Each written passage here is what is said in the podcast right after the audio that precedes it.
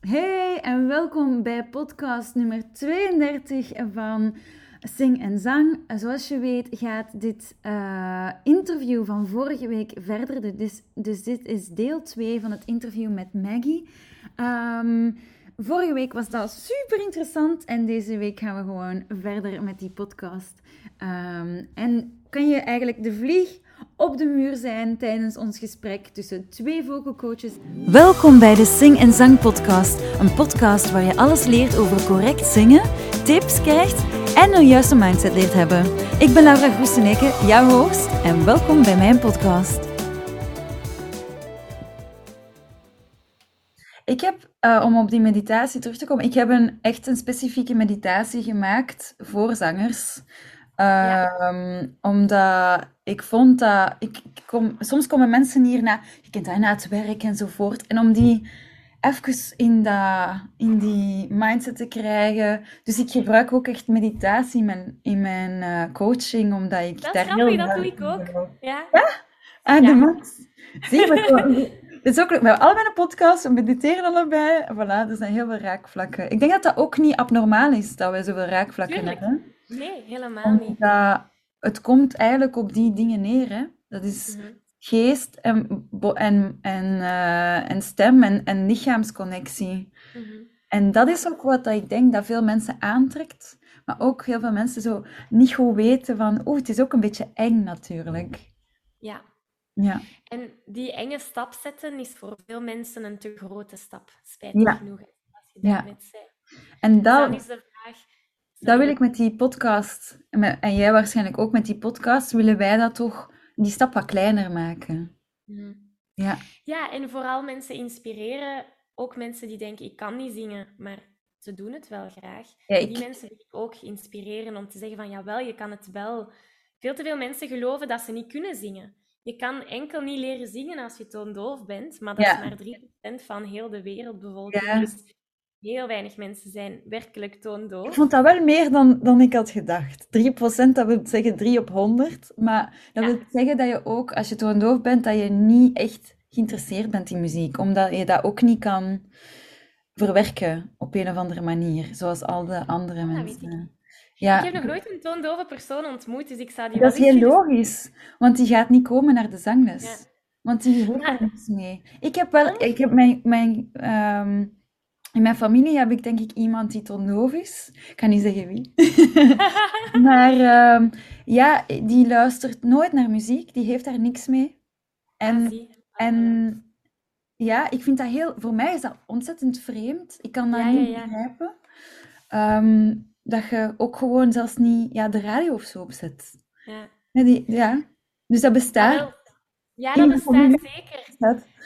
En ik vind het interessant om naar het omgekeerde te gaan kijken. Mensen die met een absoluut gehoor geboren zijn. Ja. Dus voor de mensen die niet weten wat dat is, de luisteraars. Een absoluut gehoor is wanneer dat je bijvoorbeeld kunt zeggen dat is de do en je zingt direct de do. Hè? Allee, Ja, dat- dat... is nu heel simplistisch uitgelegd. Ja, je moet het vergelijken met, allee, hoe dat ik het uitleg is van, ehm, je hebt verschillende kleuren en je weet welke kleur dat oranje is, je weet welke kleur dat, dat geel is enzovoort. En die mensen kunnen dat dus met, met noten, met de tonen die ze horen, kunnen zij di- direct zeggen, ah, dat is die toon en die toon. Wij zijn heel erg getraind als baby al op die kleuren. Ehm, maar zij gaan ook nog eens kunnen, ah, dat is turquoise, dat is, eh, dat is eh, zalmroze. Zij kunnen veel gedetailleerder al die kleuren, al die benamingen van die noten direct herkennen, omdat zij heel dat spectrum heel goed beheersen en, en van Ja. kind af aan direct hebben kunnen ontwikkelen. Dus je zou ervan uitgaan dat zo iemand wel heel veel interesse toont in muziek. En ik ken iemand die daar totaal niks mee doet. En dan denk ik, allee, jij hebt dat aangeboren. Ik wil niet talent Ja, maar zeggen, ze want ik zeggen dat het ook een handicap is. Maar dat is een cadeautje dat hij heeft meegekregen dat wij, als gepassioneerde muzikant, niet hebben meegekregen. En die doet daar niks mee. En dat vond ik Oh, heel ik- interessant ook. Ik denk zelfs als zanger dat een absoluut gehoor niet zo interessant is. Als zanger. Ja? Ik denk dat niet. Eh, nu, waarom ik ben... ehm, omdat, wat, wat maakt dat uit? Ik, ik, heb, ik, heb dat, ik, ik, ik, uh, ik ben helemaal niet goed in noten lezen, want ja, ik, ben, ik kom uit het rockcircuit, dus dat zijn akkoordjes en zo, maar ik ben zelfs niet goed in, in akkoorden. Um, maar als ik met een band repeteer of zo, ik weet zelfs niet in welke key dat mijn nummer staat. Dat, vind ik wel een belangrijke. Ja, maar ik weet wel, als ik het ga ontleden, en ik, ik, um, wat ik wel heb, is, ik kan heel goed nummers onthouden op pitch. Dus als ze het nummer naar beneden of naar boven zouden pitchen en ik zou het moeten zingen, zou ik zeggen, manneke, dat is te hoog of te laag. Want ik weet waar ergens in mijn stem dat die, die noten zitten. Ja, dat herken ik ook wel. Dus ik kan ook, eh, als ik de noot hoor en ik zing ze, dan weet ik welke noot het is. Mhm. Maar ik kan niet ze horen, niet zingen en dan zeggen welke noot. Ik heb mijn omweggetje nodig. Omdat je het voelt, hè? En zingen is voelen. Ja. ja. Ehm, maar die, die noten, ik, ik, geef bijna, ik geef les zonder noten.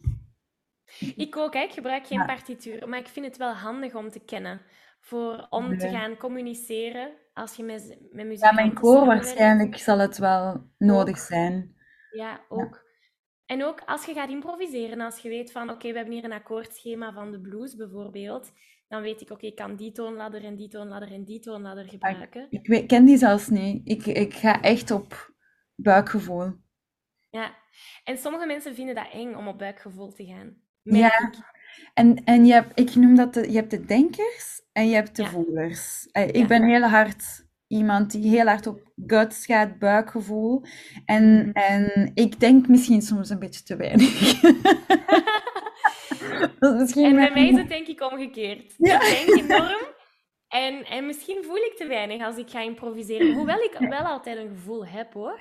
Dus ik vind het interessant om, om te horen hoe dat, dat voor jou ik is. Ik moet soms mijn gevoel een beetje inhouden dat ik er niet over ga. Want dan heb ik het gevoel om de hele tijd er heel hard voor te gaan. En als je te veel geeft, ja. Dus te veel effort geeft in je song, kan dat ook heel onaangenaam zijn. Dus ik moet soms iets meer strategischer worden. Omdat ik zo hard... Ik ben echt een voeler. Ik, ik, ik, ik, eh, speel iets en ik zing daar wel over. Dat is geen probleem. Ik ga heel hard daarop. En je hebt natuurlijk de, de andere muzikant die dat heel analytisch is. Die dat, ik noem dat een Bach. Zo. Dat is heel... Uh, dat is ook schoon, hè? Daar, ik, ik zeg niet dat het een beter is dan het ander. Maar ja, die zijn heel beredeneerd en dat klopt. Ja. En dan moeten ze nog dat buikgevoel erin krijgen. En dat, als je dat helemaal uitbalanceert, kan dat top zijn. En ik moet zien dat ik strategisch genoeg uh, mijn gevoel inzet, want anders kan het misschien too much zijn voor een publiek of voor een luisteraar. En dat vind ik ook belangrijk als coach, om die beide werelden te kunnen aanbrengen aan iemand. Want je weet niet wie dat er voor je neus staat. Hè. Als hij een voeler is, ik heb heel veel... Ik heb één persoon die nu... Ik ga zijn of haar naam nu niet even noemen, maar één persoon in mijn hoofd die inderdaad een voeler is. En die, zijn improvisaties waren all over the place. Gewoon omdat hij zo enthousiast aan het improviseren was. Vanaf het moment dat we daar een toonladder in hebben gezet, waar dat hij op kon baseren, en dan van daaruit kwam er zoveel meer structuur in zijn improvisatie, waardoor dat hij echt een verhaal begon te vertellen met een begin, midden en einde. Terwijl iemand anders bijvoorbeeld heel analytisch is en die enkel op die toonladder gaat vasthouden, maar die persoon heeft een houvast nodig om dan van daaruit ja. die vrijheid te gaan ervaren. En ik vind het belangrijk dat we die twee zaken kunnen aanbrengen. Ja, Want iedereen is anders, hè? iedereen leert op zijn of haar eigen manier. Ja, en ik vind het heel interessant, want we zijn over mediteren ook bezig. En dan die twee aspecten, hè, dat analytische en dat gevoelsmatige, draait in zang altijd in die end om balans. En in muziek ook. Mhm. Het is uh, een gebalanceerd hoofd, uh, gebalanceerde stembanden, uh, gebalanceerd gevoel en denken. Allee, dan is, ja, en, en dat is wat, wat zo, denk ik, zo interessant is aan, aan de expressiezang, omdat dat echt, ja, de balans van jezelf is heel belangrijk. Omdat jij bent het instrument. Ja, dat ging ik net ook zeggen. Dat is wat dat veel zangers ook zingen. Dat is onze stem. Dat, je maakt het direct heel persoonlijk. Hè? Als je een valse noot speelt op de piano, oei, ja, ik heb een verkeerde toets ingedrukt. Maar als je een foute noot gaat zingen, ga je dat direct veel persoonlijker opnemen. Tuurlijk. En omgekeerd ook, als je iets prachtigs gaat zingen, is dat ook iets... Ja, je geeft jezelf bloot hè, als zanger. Ja, Wat en dat- wat, heel, wat ik heel eh, als performer heel moeilijk soms vond, was als ze zeiden, ja, ik vind uw, uw klank niet zo mooi. Hm. Ja, we hebben wel kleuren, maar uiteindelijk, het blijft gewoon, het zit in u, het blijft uw stem. Maar een gitarist kan zeggen, ah, wacht, ik heb hier nog een pedaletje, ik ga een keer dat proberen. En ik ga eens van gitaar veranderen. Wij kunnen dat niet. Nee, inderdaad. Dat is, dat is, dat is die persoon, allee, dat, daarom dat dat zo een, een, ik ga niet zeggen een taboe is, maar zo ongemakkelijk is voor heel veel mensen, voor die acceptatie van die stem. Want die stem is iets van u, dat zit in u, dat, is, dat ben jij, dat is u, hoe dat jij u uit naar de wereld, uw expressie, en dat is heel normaal. En Maar, dat is waar ook veel zangers met onzekerheden gaan komen. Want als, ze dan, als er dan iets mislukt, hè, van nood of van optreden, gaan ze vaak dat ook naar hen toe trekken. Van, ik ben een mislukking. Maar het is niet de persoon die de mislukking is. Het is gewoon een situatie die niet is uitgedraaid hoe dat jij had, het had verwacht. Ja. En dat onderscheid maken is ook een hele belangrijke volgens mij. Maar ook logisch dat we dat zo direct naar ons toe trekken. Weer al omdat die stem... ja, Beyoncé heeft zelfs een alter ego, hè, Sasha Fierce. Sasha Fierce. Het Ja, is niet voor niks dat zij... Allee, sommige mensen gaan daar ook heel anders mee om. Ehm, en men, en eh, performers gebruiken ook vaak artiestennamen. Ja. Dus dat is ook iets heel boeiends. Dat is niet voor niks dat daar... Ja, dat dat ge- gebeurt en zo. Dus dat is... Zelfs de grote sterren, zoals een Beyoncé, eh, gebruiken zelfs die trucjes om, om daar ook eh, een soort van onderscheid in te maken. Hè? Dus dat is toch En wel... dat is iets dat meer aan bod moet komen volgens mij. Want het lijkt van buitenaf Ja, alsof het niet oké is om zenuwen te hebben of om met die stress te zitten voordat je voor een andere persoon gaat zingen. terwijl dat... Iedereen. Terwijl dat heel Terwijl veel dat artiesten daar wel mee struggelen. En, Inderdaad. en daar heel veel rond te doen is met ja, mentaal welzijn enzovoort. Omdat ja, er is gewoon heel veel druk. En wat dat heel jammer is, is dat in de muziekwereld er is, is dat nog niet zo doorgecijpeld als in de sportwereld. In de sportwereld heb je echt mental coaches, naast je, sportcoach ook echt dat, dat mentaal gegeven. En in ja, op, op hoog niveau misschien heb je het wel, maar op, op, op iets, iets lager niveau heb je dat nog altijd niet. En eh, dat En is iets mist ik hoop dat wel gaat... Wat zeg je? Dat dat inderdaad mist, hè. Ja, en daar is dat coachgegeven, wat wij doen, wel heel, heel goed. Maar wij zijn natuurlijk ook geen psychologen of... of, of eh, we kunnen enkel maar putten uit onze eigen ervaringen en mensen aanmoedigen om dingen te doen. Ja. Uit die comfortzone stappen, verdorie. Ja, hè? De groeizone gaan ontdekken. Ja, de groeipijn. Als het pijn doet, wil zeggen dat je groeit. Voilà. Ja, en Alleen niet letterlijk, hè, zeg- dat mag. Wat ik vaak zeg aan de zangers waar ik mee samenwerk, we, weten, we kennen allebei dat, allee, dat typisch beeld van je comfortzone en wat, dat je, daar, wat dat je wilt, ligt daar eigenlijk Ja. buiten. En het is vooral gaan beseffen, hoe reageer ik wanneer ik mij op die grens bevind Ja, tussen mijn comfortzone en daarbuiten. Want vaak gaan we dan op een specifieke manier handelen. Sommige mensen die gaan beginnen stressen, anderen die gaan beginnen over nadenken, nog Ja. anderen gaan beginnen analyseren. Sommigen die gaan in de freeze en die, die, die weten niet meer wat te doen Blackout. met zichzelf. yes. Ja, inderdaad. En Been die, there. ja, Ik En denk weet dat je, iedereen wel die- eens komt. ja, die signalen opnemen als het is oké, ik bevind me op de grens. Ik ben hier een stap aan het zetten. In plaats van, wow, dit is helemaal niet oké. Want dan gaan we terug naar onze comfortzone. Dat is denk ik wel een, een, een trucje of een, een belangrijk inzicht om, om voor jezelf te hebben. Ja, Om te weten, oké, ik ben aan het groeien en het, het hoort erbij. En Ja. dat is oké. En dat heeft dan weer met die zelfcompassie te maken waar we het daar net over hadden. ja, ja, ja.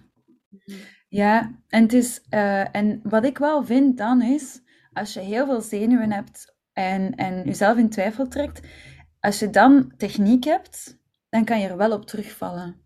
Ja, Dat is je backbone. ja. Dat is wat hè. Ja, dat is je parachute. Omdat dan kan je alle parameters... Oké, vandaag zit mijn stem zo, ik moet een beetje dit doen, een beetje dat doen. Ook hou vast, uw, uw, mijn opwarmingen bijvoorbeeld, zijn, dat is een ritueel, hè. Allee, dat is, dat is, is het een het ander, hè? Dat is de vraag natuurlijk. Ehm, maar ja, dat, dat geeft me wel dat, dat zelfvertrouwen van oké, gelijk nu, ik heb uh, volgende week concert sinds twee jaar na corona. Ik ben eigenlijk een beetje zenuwachtig.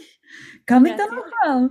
Het is, is even uh, geleden, en, en, maar ik heb natuurlijk mijn techniek, mijn opwarming, ik kan me voorbereiden, ik heb mijn repetities gehad.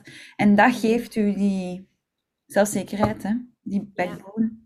Ik ga niet zeggen dat ik geen zenuwen ga hebben, hè, maar... Tuurlijk, en het is oké om die zenuwen te hebben. ja, want dat wil zeggen, als je zenuwen hebt, dat, dat je er ook om geeft. Dat belangrijk is voor u. Mm ja. zo voel ik dat toch aan. Als moest het mij niks schelen, zou ik geen zenuwen hebben. Mm mooi dan eigenlijk. Mhm. Ja, ja, zo had ik er nog niet naar gekeken. Ja. Dat is dan vanuit de performance ook natuurlijk de, de, de het nadenken dat ik, dat ik doe en, en heel het uh, mentale aspect. Maar uh, ja, het is super boeiend. Ja, en wat mij bijvoorbeeld ook helpt is wanneer dat je gaat performen, in plaats van de zaklamp dus de aandacht op, op mezelf te gaan richten, van ik mag dat en dat en dat niet fout gaan doen, om de zaklamp naar mijn publiek te richten. Ja. En of, of inderdaad wie dat, dat publiek mag zijn, dat je een cadeautje geeft aan je luisteraar. En het draait om hen, het draait niet om mij. Ik weet ook in het begin, ik geef online webinars, al die zaken. En weet nog mijn eerste keer dat er 160 man aan het meekijken was. In plaats van mij te focussen op, oh, ik mag geen fout gaan maken. Nee, mijn focus was, ik wil zoveel mogelijk waarde meegeven aan die mensen die aan het kijken zijn. En dat is een gewicht van mijn schouders die op dat moment valt.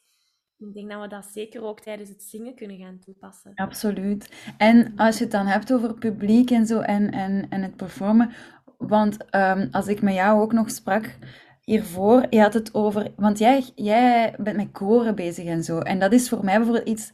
Daar zou ik absoluut zoveel schrik voor hebben om zo'n grote groep mensen te leiden. Ik vind dat zo waanzinnig dat je dat doet en kunt. Ik sta maar met, met vier, vijf man op een podium, denk ik dan. En we hebben dat allemaal goed op voorhand afgesproken. En ik leid niks. Ik ben wel de front. Hè. Ik, ik ben uh, het, het, het, de link tussen het, het publiek en de muzikanten wel. Maar ik ben niet de leider of zo. En dat ben jij wel. En dat vind ik wel knap. Hoe ga je daarmee om? Ik zie mij niet per se als leider. Hoe hou je dan die mensen zo bijeen? ik, ik geef wel aan, hè. hier begint het, daar moeten de sopranen stoppen. dat geef ik wel aan. Maar ook daar is mijn focus niet op het moet allemaal goed gaan, ze mogen geen fouten maken. Maar het is mijn job om hen het beste te gaan ondersteunen, om het beste van zichzelf te kunnen laten zien als we dan een concert geven of zo. En hetzelfde bij het coachen van zangers waar ik mee samenwerk. Het gaat niet om mij, het draait om hen. En ik wil hen het beste ondersteunen in wat dat zij te bieden hebben. Ik wil het beste uit mensen bovenhalen. Um, want ik geloof dat dat bij iedereen... Soms is het erg verborgen. Misschien geloven ze zelf niet dat er potentieel in hen zit. Maar dat zie ik als mijn job, om dat, het licht daarop te laten schijnen. En hetzelfde met het koor. Weet je, ze zijn ook zo geweldig, die mensen. Ik heb eens fout gedirigeerd. Het was een super simpel lied, Let It Be van de Beatles. Ja. En dat was heel de tijd hetzelfde. Ik heb ze fout ingezet, die hebben mij allemaal gevolgd, hè. En heel die groep, vroom, in plaats van naar het strofe te gaan, hebben ze het refrein verder blijven zingen. En ik dacht, amai, dus ze luisteren wel naar mij. Ja, zoveel vertrouwen. Ja. Dat, is, dat is inderdaad het punt. Dat, je, dat komt uit twee richtingen. Uh, je zou het kunnen zien als een basketbalveld. Je hebt aan de ene kant het doelpunt van het ene team en aan de andere kant het doelpunt van het andere team. Ik kan niet helemaal oversteken naar de andere kant om hen te gaan helpen. We moeten elkaar tegenkomen in het midden. Ik kan maar geven wat ik te geven heb, maar zij moeten natuurlijk ook ontvangen en er iets mee gaan doen. En dat geldt voor alles wat ik doe. Ja. Ja, ik denk dat dat ook een beetje misschien de paradox is wat mensen verwachten van een performer. Van, het draait allemaal rond de performer, maar dat is helemaal niet waar. Mhm. Het draait uiteindelijk om het publiek. Ja, mooi. Mooi, hè? Gaan we daarmee afsluiten? We zouden nog uren kunnen blijven babbelen. Ja, ik denk het. To be continued. Nee, ja. um, dankjewel Magie. Het was super fijn gesprek. Ik vond het heel tof. Heel, tof. erg bedankt, Laura. En dat wil ik ook nog zeggen. Ik ben heel dankbaar dat je mij dat berichtje hebt gestuurd op Instagram om Oh, samen even gedaan. af te stemmen. Want ik vind dat dat veel te weinig gedaan wordt om onder collega's daarover te praten en, en dit met de wereld te delen. Kijk, we Dus hebben wel. dezelfde missie. We hebben Ja. dezelfde missie en ik vind het eigenlijk de mensen die dezelfde missie hebben, hebben ook volgens mij dezelfde mindset. En zeker in ons beroep. We hebben een beroep dat ik een beetje, ehm, hoe zeg je dat, samen, samenstel met, met, je hebt therapeuten enzovoort. En die zijn ook niet super kapitalistisch en wij zijn concurrentie van elkaar. Nee, die vormen ook één mooi eh, front enzovoort. En ik denk dat dat voor vocal coaches zeker hetzelfde eh, is. Wij hebben een, een heel andere manier ook van ondernemen en van, van onze ja, dienst, ons, onze, onze, ja, onze missie, ons, wat wij graag doen, eh, te delen. En als dat met collega's kan, is dat toch keischoon. Ja, want weer al, het draait niet om ons. Het draait om de mensen waar we mee samenwerken. Voilà. dat is een goeie. Dankjewel uh, Jij te bedankt. Bye. Hey, eerst en vooral wil ik jou bedanken om te luisteren naar dit super tof interview tussen mij en Maggie. Uh, wil je Maggie volgen op um, Instagram? Dat kan. Dat is Maggie's underscore melody. En uh, je kan er altijd um, eens naar haar website gaan. En dat is, um, want zij heeft natuurlijk haar eigen projecten. Um, dat heette Zing Jezelf Vrij, zangcoaching. En zij heeft ook zelf een podcast, waar deze podcast ook op uh, zal komen. En dat is de Zangles met Maggie podcast. Dus die kan je ook altijd eens beluisteren op Spotify.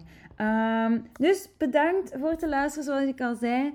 Uh, dankjewel Maggie. En um, ja, het was super tof. Gaan we zeker nog eens doen. En uh, tot volgende week. Dan is het terug de normale podcast van Sing en Zang. Met een vraag en een heel lang antwoord. Voilà.